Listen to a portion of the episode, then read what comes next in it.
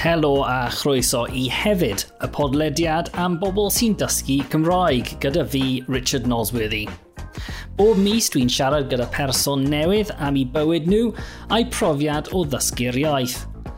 A tro diwethaf, clywon ni gan angharad, athrawes o ardal Caerffili, sy'n dysgu Cymraeg mewn blwyddyn. Ond i'r gogledd byddwn ni'n mynd y tro yma, a rhywun naeth dysgu Cymraeg peth amser yn ôl – Mae Stephen Rule yn byw yn Sir y Flint, yn y gogledd dwyrain. Dysgodderiaeth yn yr ysgol, ond doedd e ddim yn digon hyderus i siarad tu allan i'r dosbarth, tan i fod e yn y prifysgol. Erbyn hyn mae e'n dysgu Cymraeg i bobl eraill, mae e wedi ysgrifennu llyfr am ei brofiad, ac mae e'n redeg y cyfrif Twitter poblogaidd y Doctor Cymraeg. I ddechrau, gyfynnes i iddo fe am ei brofiad o'r Gymraeg pan oedd e'n blentyn yn tyfu lan yn Sir y Flint.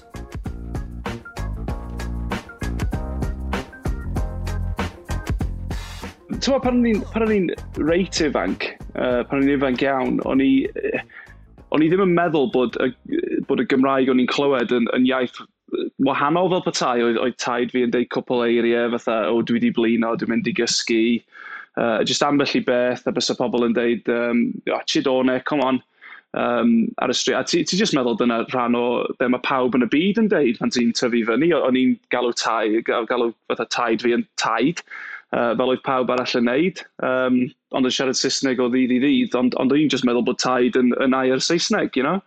Um, so ie, yeah, oedd y Gymraeg o gwmpas, ond uh, oedd neb yn siarad o, deud y gwir. Um, ond uh, o'n i'n lwcus iawn yn, y, yn yr ysgol gynradd, um, yn, y, yn y bwyslais mawr ar y Gymraeg um, oedd hi'n neud lot mwy o wersi, fel, fel nath o, um, pan nes i ffeindio allan wedyn, pan nes i fynd i'r ysgol uwchradd, bod ni'n lot fwy o Gymraeg yn yr ysgol gynradd na lot o ysgolion cynradd uh, eraill. So, uh, ond rhywbeth wedi, um, wedi uh, sticio fo fi fel bethau pan o'n i'n yr ysgol gynradd. So dwi'n meddwl dyna lle ddath y, uh, y cariad tuag at yr iaith, swn i'n deud, ie. Yeah. So, fe Es di ysgol Saesneg do, ond wneud Cymraeg fel ail iaith felly? Ie, yeah, fel nes i ddeud, oedd o ddim yn, you know, it wasn't sold as ail iaith pan oedden ni yn y, pan oedden ni yn yr ysgol gynradd, oedd e o just yn gwneud bach y Gymraeg, o, you know, weithiau, neu just taflu fo mewn pryd bynnag, ond, ie, uh, yeah, pan nes i i ysgol uwchradd, dyna lle nes i Cymraeg ail iaith fel dyn ni'n nabod o heddiw, a, a ymlaen at um, wneud tygau a iaith a, a lefel A wedyn, ie. Yeah. Wyt ti'n cofio pam nes ti ddewis uh, dysgu'r Gymraeg yn yr ysgol? Uh, Ti'n be, yn blwyddyn saith o'n i wir ddim yn, ddim yn licio'r iaith. Ddim, ddim, ddim byd o ran um, yr iaith i hun, just, o'n, on i just meddwl ar y pryd, mae ma, ma gen i air am chair, pam dwi angen un arall, gen i air am you know, fatha, haws, pam dwi angen un, un arall.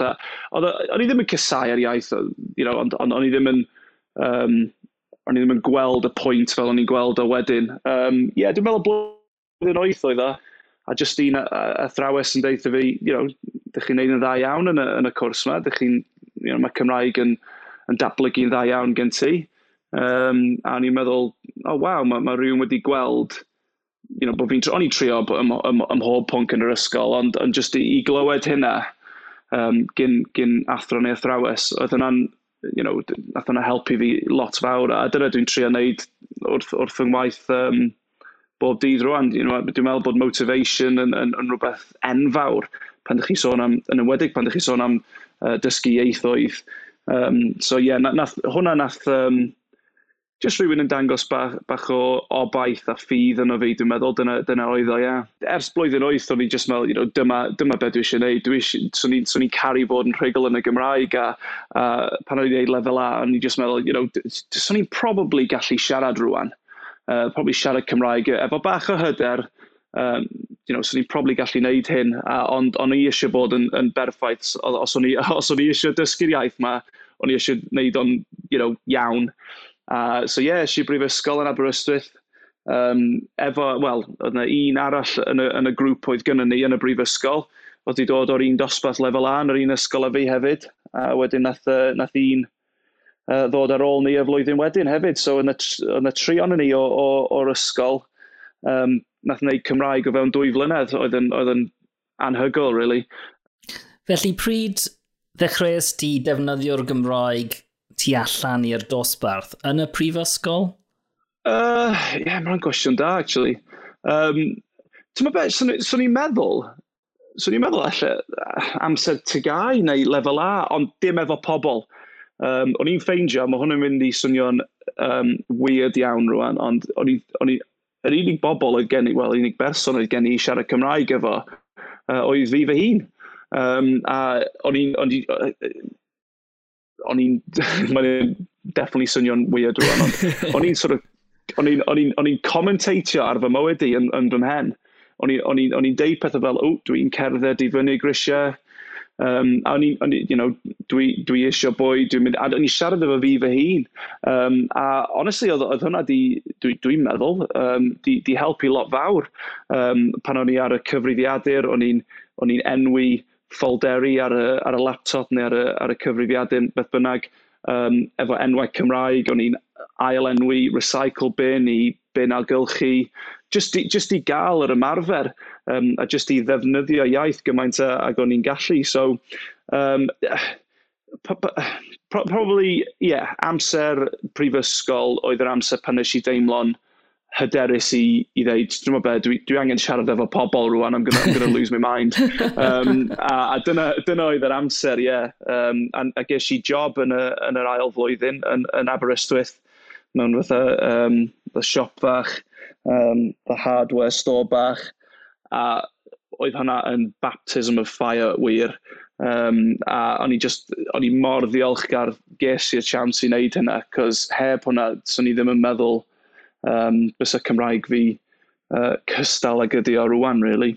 So yeah, yeah probably amser, amser, amser um, brifysgol, sy'n ni'n deud, nes i cael y hyder i ddeud, ti'n meddwl be, dwi'n dwi, fed up o fod yn um, nerfus ac ofnus o, o siarad Cymraeg, dwi'n just mynd i wneud o.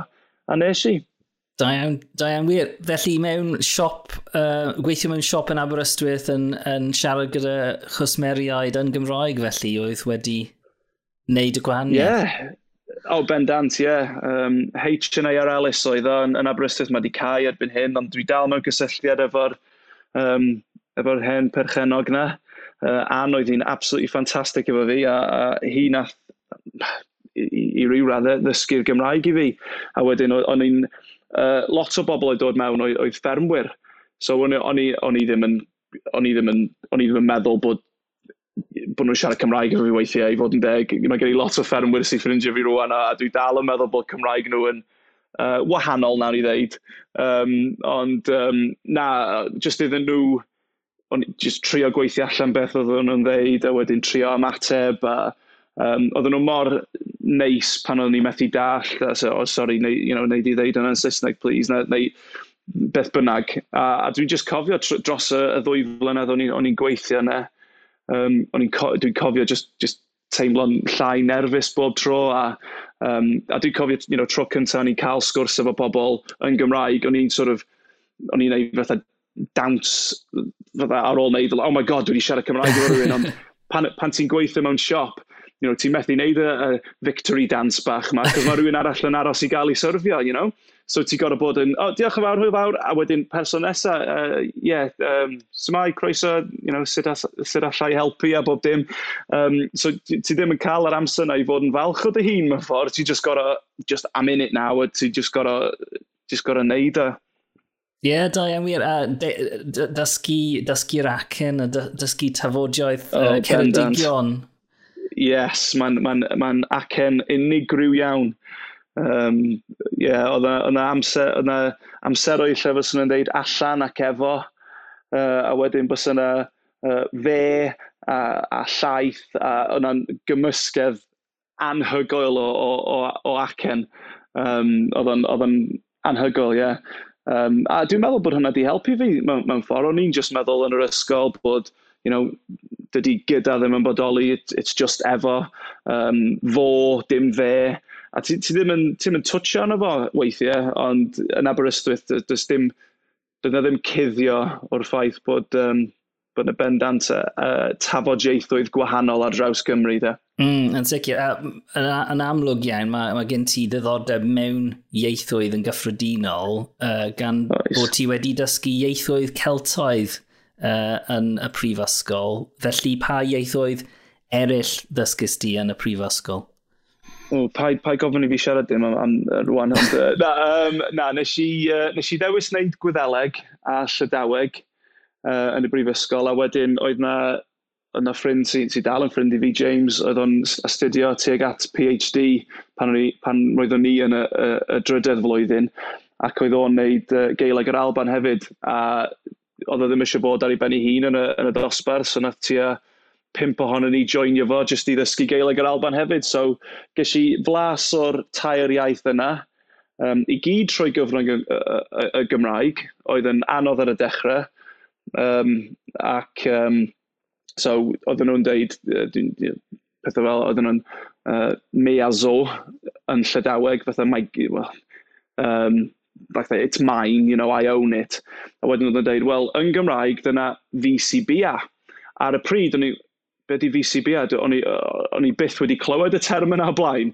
So oedden nhw'n deud rhywbeth yn Llydaweg neu Gymraeg, a ni ddim yn dall be oedd o yn, yn, yn Saesneg. So oedd o'n, uh, oedd o'n ddiddorol weithiau i wneud hynna trwy gyfrwng yn Gymraeg, ond, ond bendant wedi, wedi helpu fy Nghymraeg i, really, i feddwl amdano fo, um, i ddysgu iaith newydd trwy gyfrwng iaith doeddwn ni ddim cweit yn rhugl yn efo ar y pryd. You know? O'n i dysgu dwy iaith ar yr un pryd.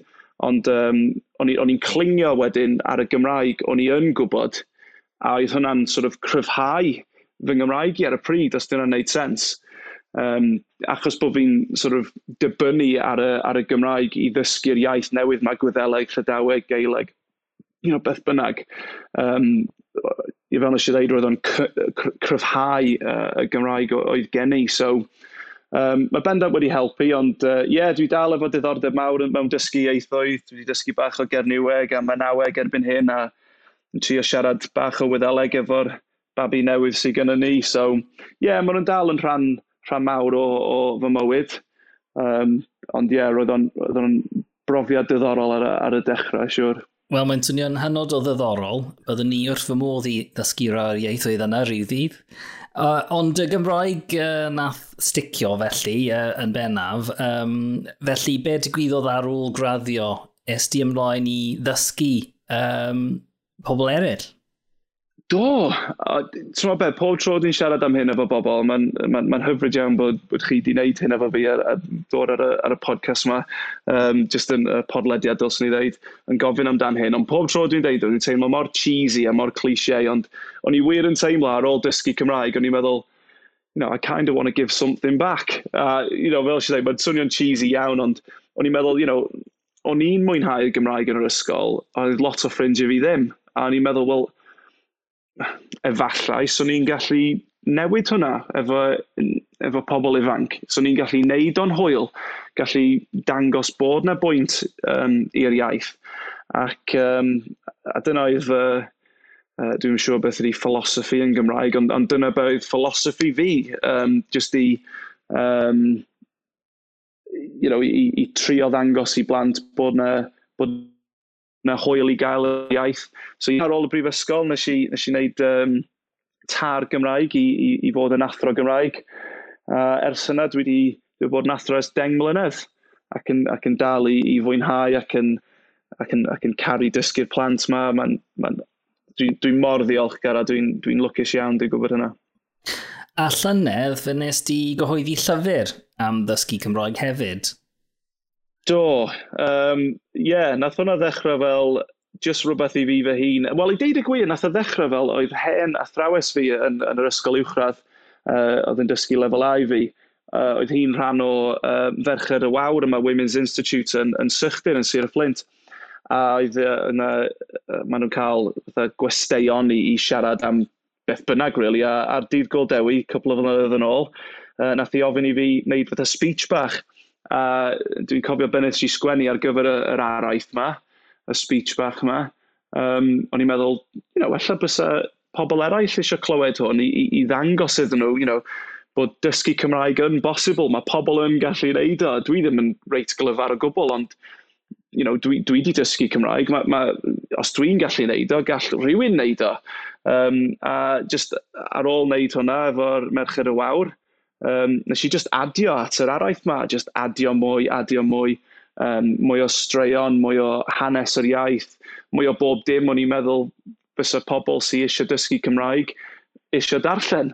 Um, ac uh, nath o droi yn 50,000 eiria, a meddwl, blinkin et, lle mae hwn wedi dod o.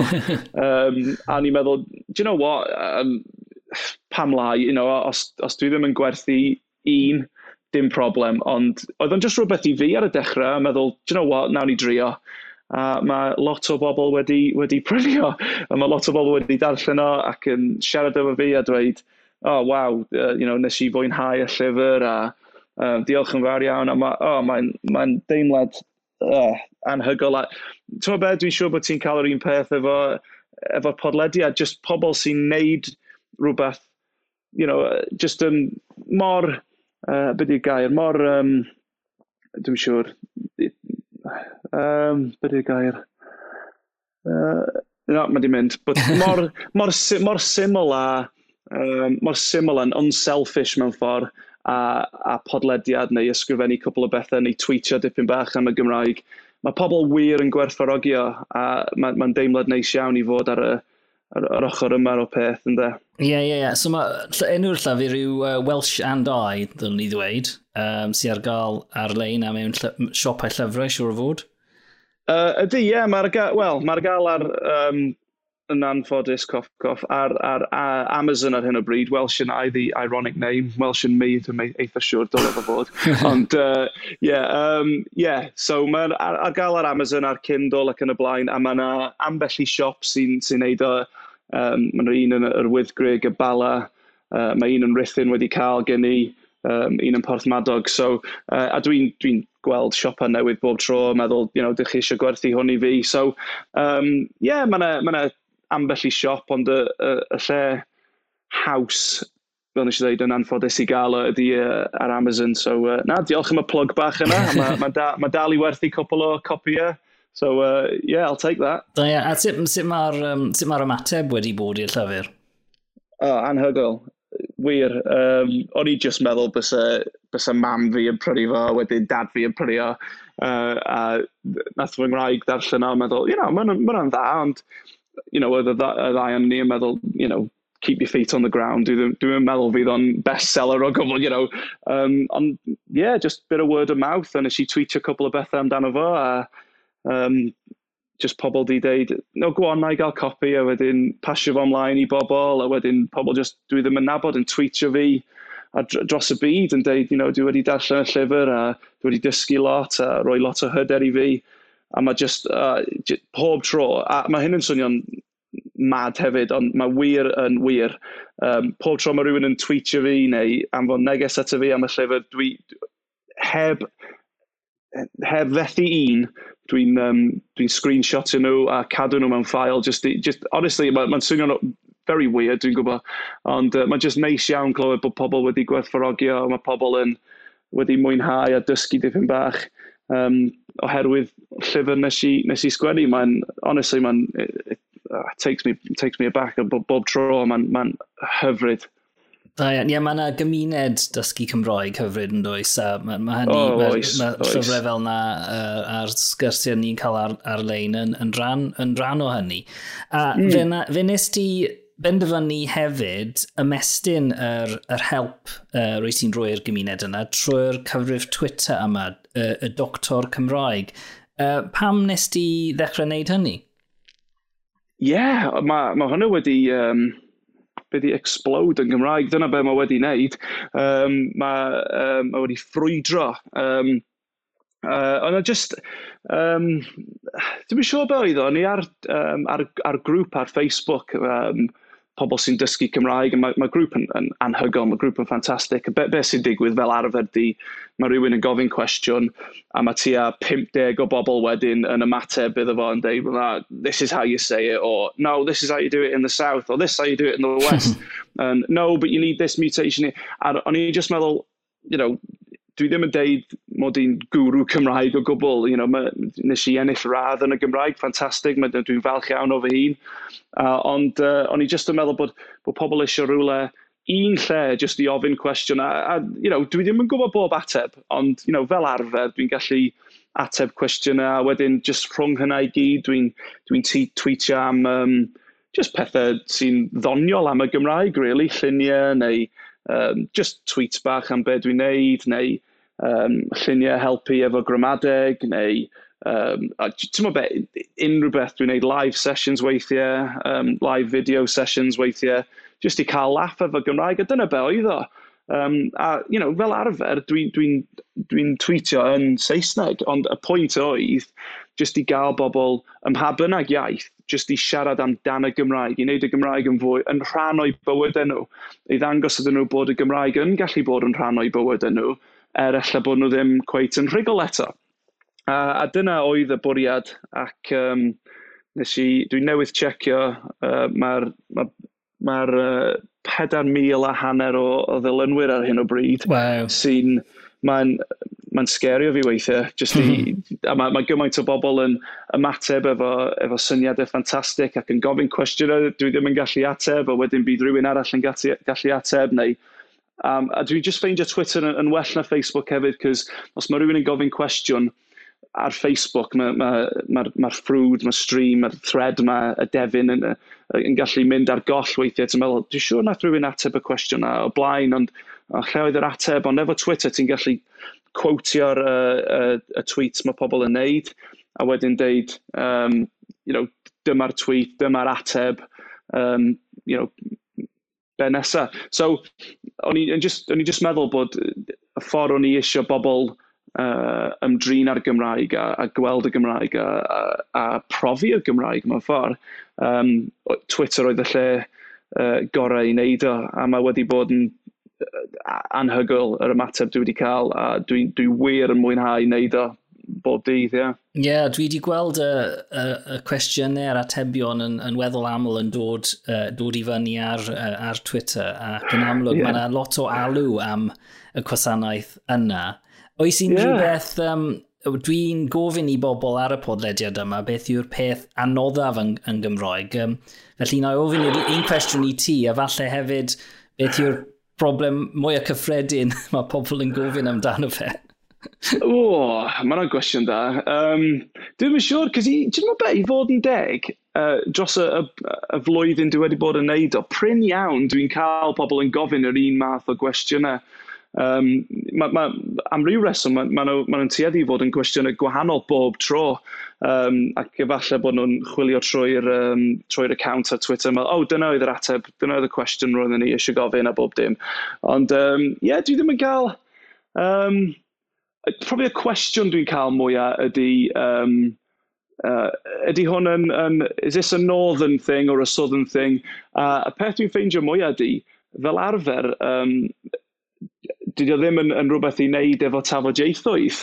Um, a pobl yn dweud, o, oh, beth ydy'r gwahaniaeth rhwng hyn a hyn, ydy o'n rhywbeth i wneud efo tafodiaeth? A, a dwi'n dweud, wel, na, mae ma hwn yn just yn ffordd ffurfiol, a mae hwn yn just fwy ar lafar. A dwi'n ffeindio, mae ma, ma, ma lot o bobl yn meddwl, Um, dim rhoi'r bai ar dafodieithoedd, mae hwnna'n ma wrong i ddeud, dim, dim dyna di. Mae ma pobl yn, uh, for want of a better word, maen nhw'n beio tafodieithoedd yn meddwl, os dwi ddim yn deall rhywbeth, it must be dialectual yn ei dialectal, yn beth bynnag ydy'r gair yn Saesneg, tafodieithol.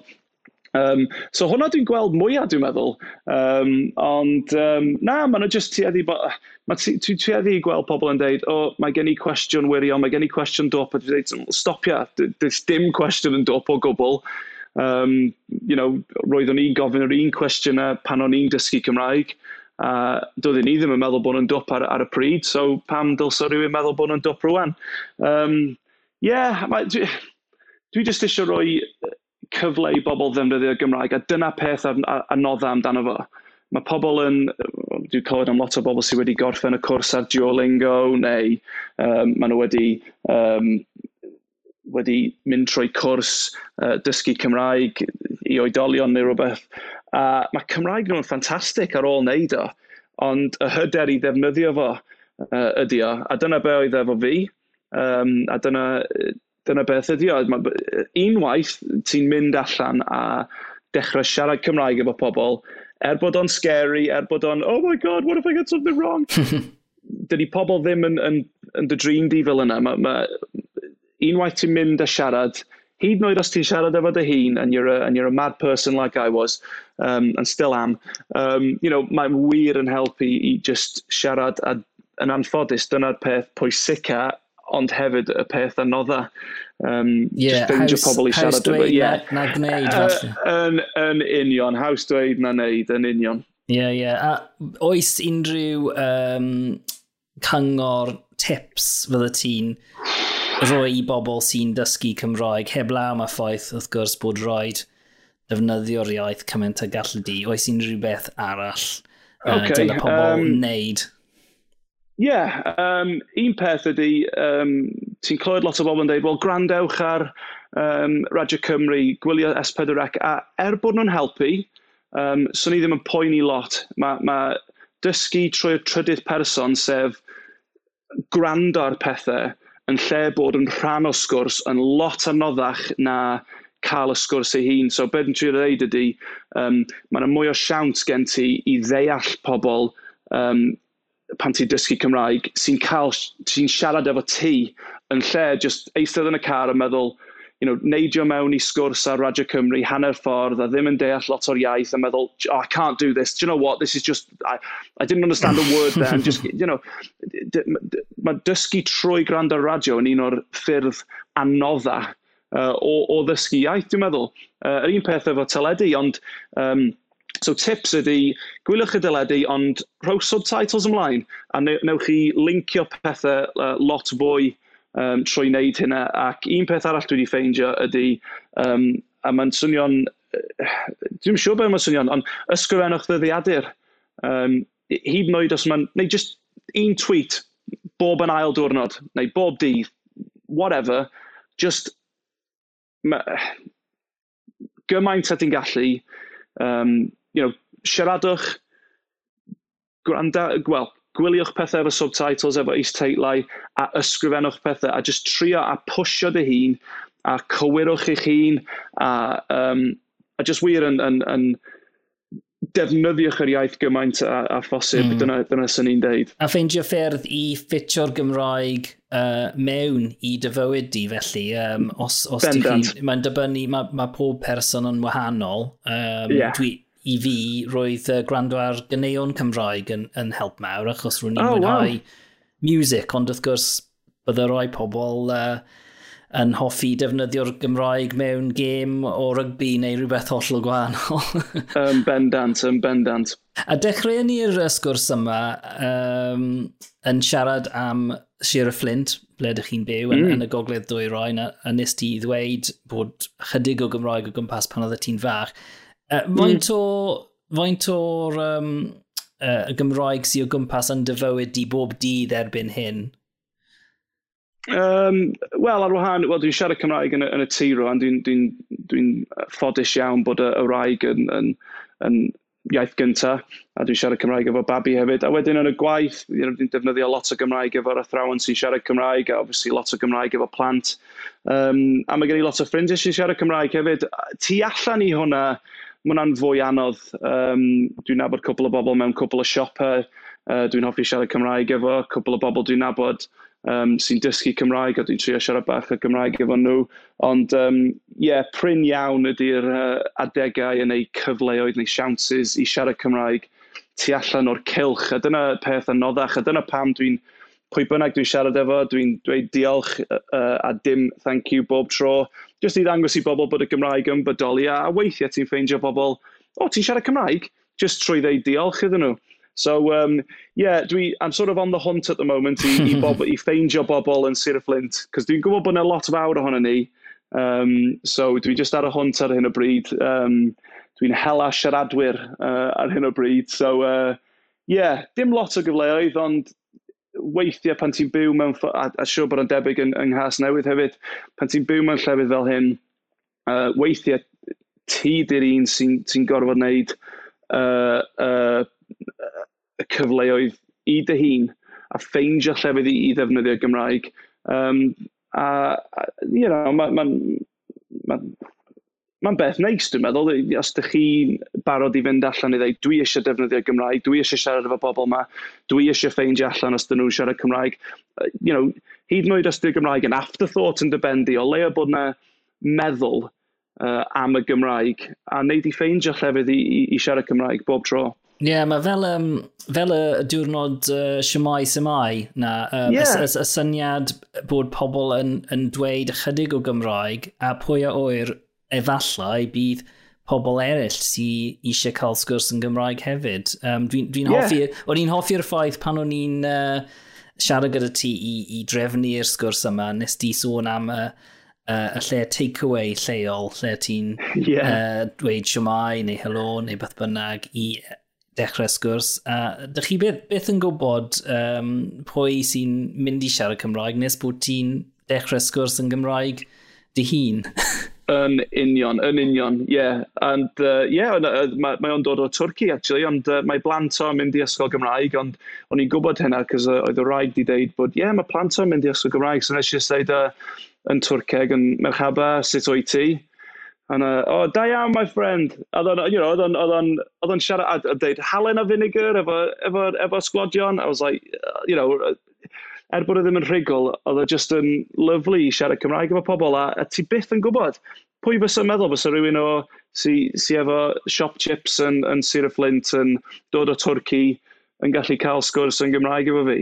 You know, ti byth yn gwybod a mae'n ma, werth o bob tro. symai, sy'n roi ti, you know, you know, bore da, how are you?